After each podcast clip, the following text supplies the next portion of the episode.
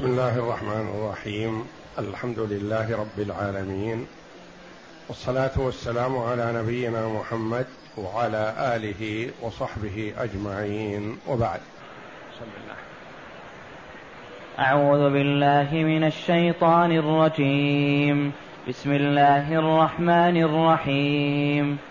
لا يستوي القاعدون من المؤمنين غير أولي الضرر وال غير أولي الضرر والمجاهدون في سبيل الله بأموالهم وأنفسهم, فضل الله المجاهدين بأموالهم وأنفسهم على القاعدين درجة.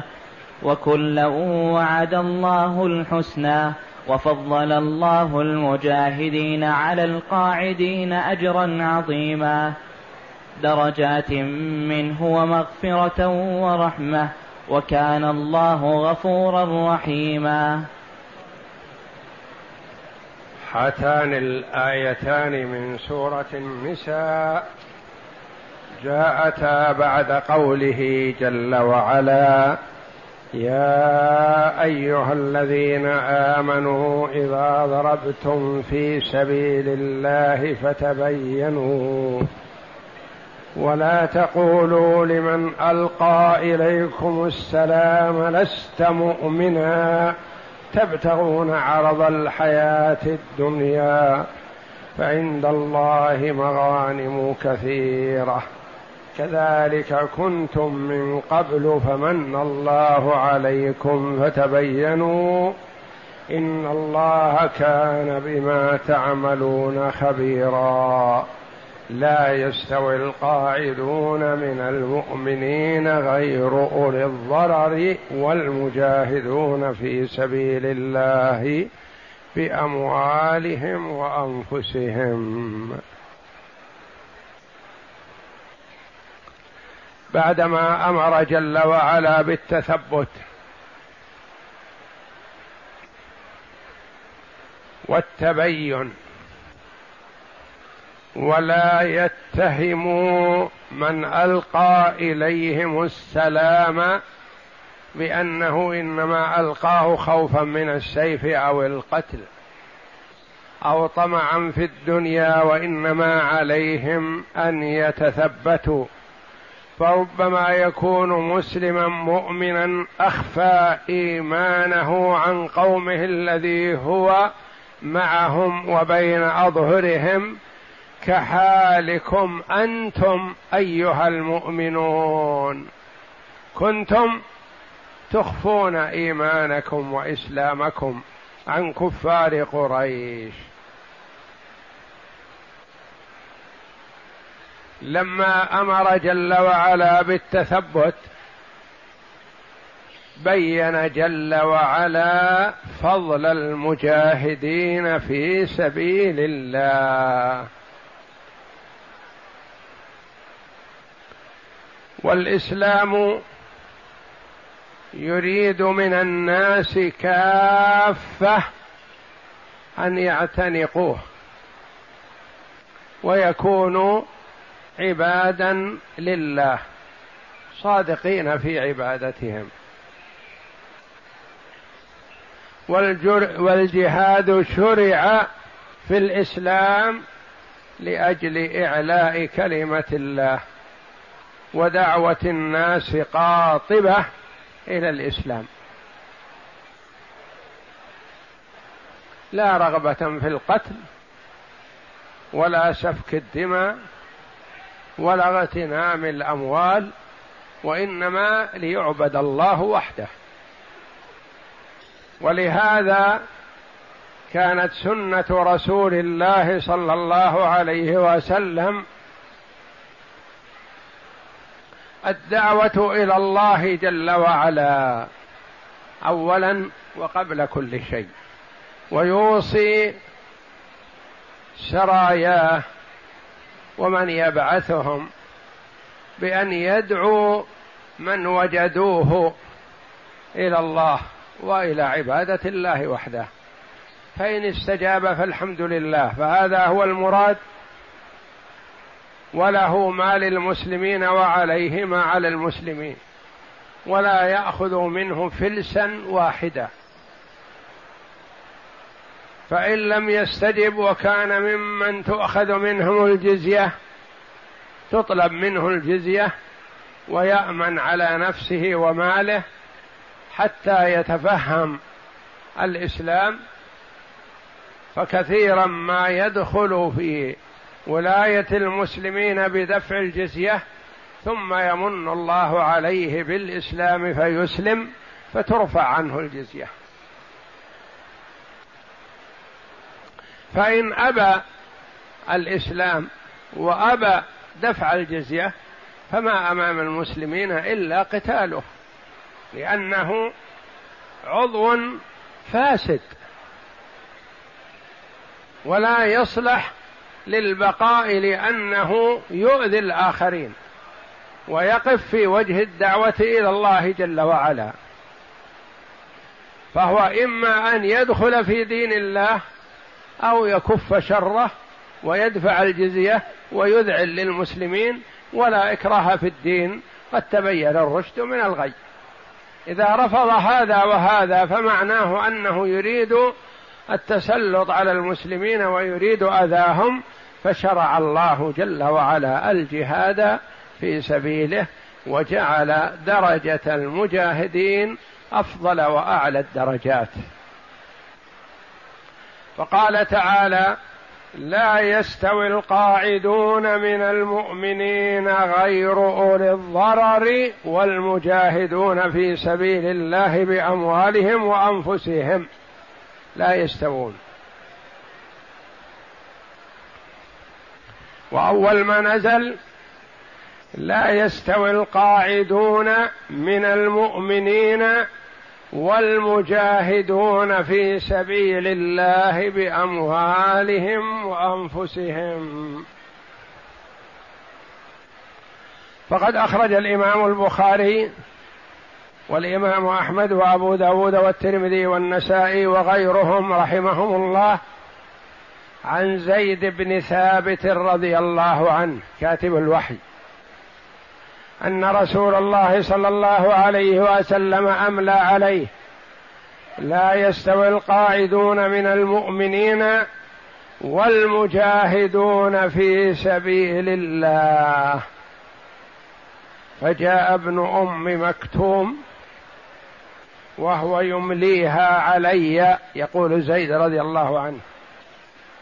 فقال يا رسول الله لو أستطيع الجهاد لجاهدت وكان أعمى رضي الله عنه. فأنزل الله على رسوله صلى الله عليه وسلم وفخذه على فخذه غير أولي الضرر. وأخرجه أيضا سعيد بن منصور وأحمد وأبو داود وابن المنذر والطبراني والحاكم وصححه من حديث خارجة ابن زيد بن ثابت عن أبيه. يقول أنس بن مالك رضي الله عنه لقد رأيته يعني عبد الله بن أم مكتوم. في بعض المشاهد المسلمين معه اللواء وأعمى ومعذور وما عذر نفسه رضي الله عنه. خرج معهم ومسك باللواء ليرفعه. يقاتل المسلمون الكفار حول اللواء. ففي هذا الحديث دلالة على سعة علم الله وسمعه جل وعلا وإجابته لمن دعاه بلحظة. كما قال الله جل وعلا لرسوله صلى الله عليه وسلم قد سمع الله قول التي تجادلك في زوجها وتشتكي إلى الله. والله يسمع تحاوركما. وهنا وهو يملي صلى الله عليه وسلم الآية. وعبد الله بن أم مكتوم رضي الله عنه يقول لو أستطيع الجهاد لجاهدت أنزل الله جل وعلا غير أولي الضرر. في وسط الآية. لا يستوي القاعدون عن الجهاد من المؤمنين مع إيمانهم. غير أولي الضرر والمجاهدون في سبيل الله. لا يستوون. فضل الله المجاهدين بأموالهم وأنفسهم على القاعدين درجة. وكلا وعد الله الحسنى. كل مؤمن وعده الله الحسنى. جاهد أو لم يجاهد لكن إذا جاهد فهو في أعلى الدرجات. وكلا وعد الله الحسنى وفضل الله المجاهدين على القاعدين أجرا عظيما درجات منه. ترتيب تصاعدي في تفضيل المجاهدين في سبيل الله على القاعدين عن الجهاد. في الأول يقول تعالى لا يستوي هذا وهذا. لا يستوي القاعد غير أولي الضرر مع المجاهد ما يستوون. ثم بين الفضل فقال فضل الله المجاهدين بأموالهم وأنفسهم على القاعدين درجة منزلة عالية رفيعة. ثم طمأن القاعدين بأن قعودهم لا يخرجهم عن الإيمان ولا يحرمهم الوعد الحسن. فقال وكلا وعد الله الحسنى. وفضل الله المجاهدين على القاعدين اجرا عظيما أعظم من الأول. ثم قال درجات منه. في الأول قال درجة ثم وعدهم الدرجات. وقد أخبر صلى الله عليه وسلم أن هناك مائة درجة في الجنة أعدها الله لمن جاهد في سبيله. بين كل درجة والتي تليها كما بين السماء والأرض. وفضل الجهاد في سبيل الله لا يعدله شيء. فقد سئل صلى الله عليه وسلم أي العمل أفضل؟ قال إيمان بالله ورسوله. قيل ثم ماذا قال الجهاد في سبيل الله؟ وسئل مرة أخرى أي العمل أفضل؟ قال الصلاة على وقتها. قيل ثم أي قال بر الوالدين. قيل ثم أي قال الجهاد في سبيل الله. والمجاهد في سبيل الله يغفر له عند أول قطرة من دمه. وما جرح المجاهد في سبيل الله جرحا إلا جاء يوم القيامة اللون لون الدم والريح ريح المسك. شعار بأنه من المجاهدين في سبيل الله وممن كلم في سبيل الله. وفضل الجهاد عظيم والمجاهدون أنواع. كما سئل صلى الله عليه وسلم الرجل يقاتل حمية والرجل يقاتل شجاعة والرجل يقاتل رياء. أي ذلك في سبيل الله؟ قال صلى الله عليه وسلم من قاتل لتكون كلمة الله هي العليا فهو في سبيل الله. وأما القتال من أجل الحمية أو من أجل الوطنية أو من أجل القومية أو نحو ذلك أو ليرى أنه شجاع أو ليجرب نفسه ونحو ذلك فهذا لا ينفعه عند الله شيئا. من قاتل لتكون كلمة الله هي العليا فهو في سبيل الله وما لا فلا. وغير أولي الضرر جاءت بالضم غير وجاءت بالنصب على الاستثناء وجاءت بالجر بدل من القاعدين أو بدل من المؤمنين. لا يستوي القاعدون من المؤمنين غير أولي الضرر.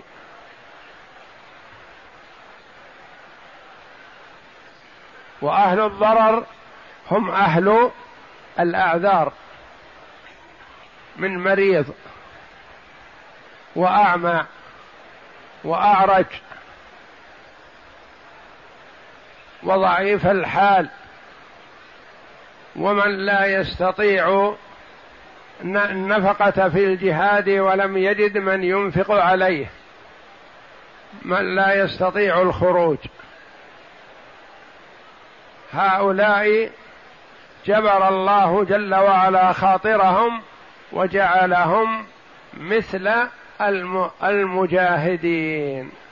وقد قال صلى الله عليه وسلم في إحدى الغزوات ولعلها غزوة تبوك إن في المدينة رجالا ما سرتم واديا ولا قطعتم شعبا إلا وهم معكم. قالوا يا رسول الله معنا في وهم في المدينة؟ قال نعم حبسهم العذر. والمرء إذا نوى النية الحسنة والرغبة في الجهاد في سبيل الله إذا تيسر له ذلك أعطاه الله جل وعلا أجر المجاهدين. ومن سأل الله جل وعلا الشهادة صادقا من قلبه أورثه الله منازل الشهداء وإن مات على فراشه. إذا سأل الله ذلك صادقا من قلبه. وفضل الشهادة في سبيل الله عظيم والشاهد يشفع في عدد من قرابته وأهل بيته والشهيد يؤمن الفتان في القبر.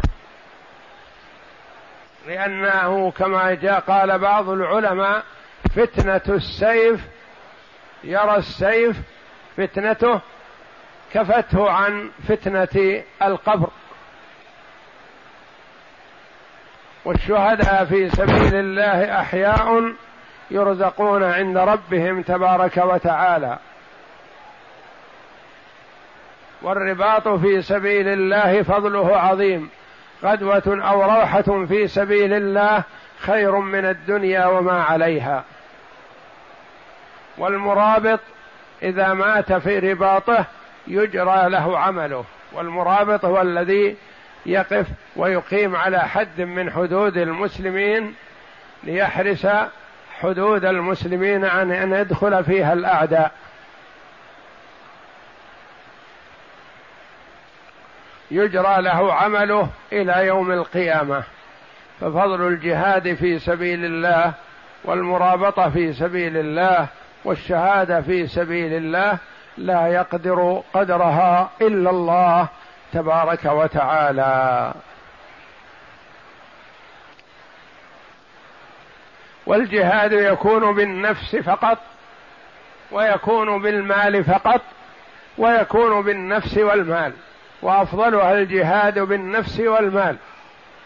ثم إن المرء إذا أعطى للمجاهدين في سبيل الله فقد جاهد بماله. والنبي صلى الله عليه وسلم يقول من جهز غازيا فقد غزا. إذا جهزه بالمال وما يحتاج إليه فكأنما هو غزا. ومن خلفه في أهله بخير فقد غزا. يعطى ثواب الغازي والمجاهد إذا بذل للمجاهدين في سبيل الله.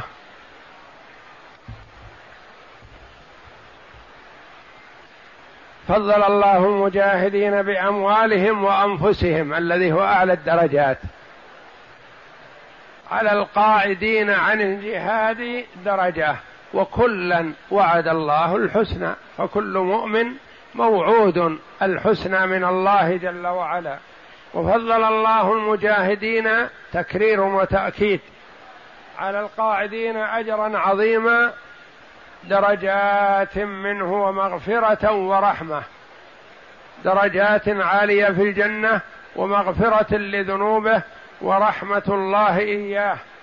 وكان الله غفورا رحيما. فهو موصوف جل وعلا بأنه غفور أي كثير المغفرة لعباده. رحيم بعباده سبحانه.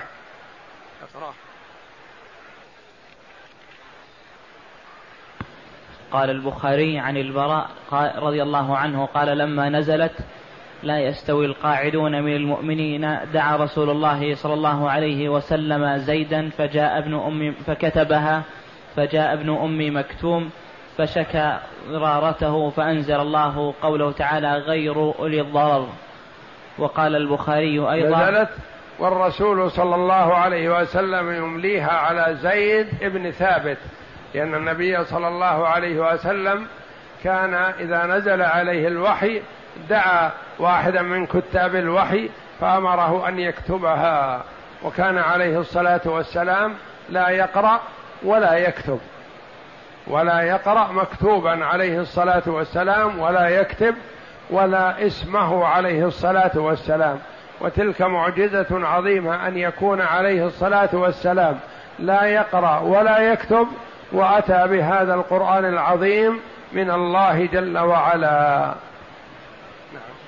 وقال البخاري أيضا عن سهل بن سعد الساعدي رضي الله أنه رأى مروان بن الحكم في في المسجد قال فأقبلت حتى جلست إلى جنبه فأخبرنا أن زيد بن ثابت أخبره أن رسول الله صلى الله عليه وسلم أملى علي لا يستوي القاعدون من المؤمنين والمجاهدون في سبيل الله فجاء فجاءه ابن أم مكتوم وهو يمليها علي فقال يا رسول الله والله لو أستطيع الجهاد لجاهدت وكان أعمى فأنزل الله على رسوله صلى الله عليه وسلم وكان فخذه على فخذي فتقلت علي حتى خفت أن توض فخذي ثم سري عنه فأنزل الله غير أولي الضرر. وعن ابن عباس رضي الله عنهما قال في قوله تعالى لا يستوي القاعدون من المؤمنين غير غير أولي الضرر عن بدر والخارجون إلى بدر. ولما نزلت غزوة بدر قال عبد الله بن جحش وابن أم مكتوم إن عميان يا رسول الله فهل لنا رخصة؟ فنزلت لا يستوي القاعدون من المؤمنين غير أولي الضرر. وفضل الله المجاهدين على القاعدين درجة فهؤلاء القاعدون غير أولي الضرر. وفضل الله المجاهدين على القاعدين أجرا عظيما درجات منه على القاعدين من المؤمنين غير غير أولي الضرر. فقوله تعالى لا يستوي القاعدون من المؤمنين كان مطلقا. فلما نزل بوحي سريع غير أولي الضرر صار ذلك مخرجا لذوي الأعذار المبيحة لترك الجهاد من العمى والعرج والمرض وعن عن مساواتهم للمجاهدين في سبيل الله بأموالهم وأنفسهم. ثم أخبر تعالى بفضيلة المجاهدين على القاعدين. قال ابن عباس غير أولي الضرر وكان وكذا ينبغي أن يكون كما ثبت في صحيح البخاري عن أنس أن رسول الله صلى الله عليه وسلم قال إن بالمدينة أقواما ما سرتم من مسير ولا قطعتم من واد إلا وهم معكم فيه. قالوا وهم, وهم بالمدينة؟ يا رسول الله. قال نعم حبسهم العذر. وقوله تعالى وكلا وعد الله وكلا وعد الله وكلا وعد الله الحسنى أي الجنة والجزاء الجزيل وفيه دلالة على أن الجهاد ليس بفرض عين بل هو فرض على الكفاية. قال تعالى وفضل الله المجاهدين على القاعدين أجرا عظيما.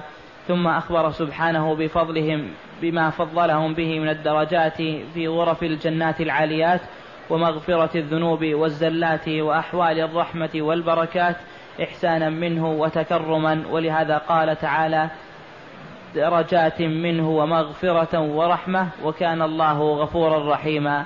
وقد ثبت في الصحيحين عن أبي سعيد الخدري رضي الله عنه أن رسول الله صلى الله عليه وسلم قال إن في الجنة مئة درجة أعدها الله للمجاهدين في سبيله ما بين كل درجتين كما بين السماء والأرض. والله أعلم. وصلى الله وسلم وبارك على عبده ورسول نبينا محمد وعلى آله وصحبه أجمعين.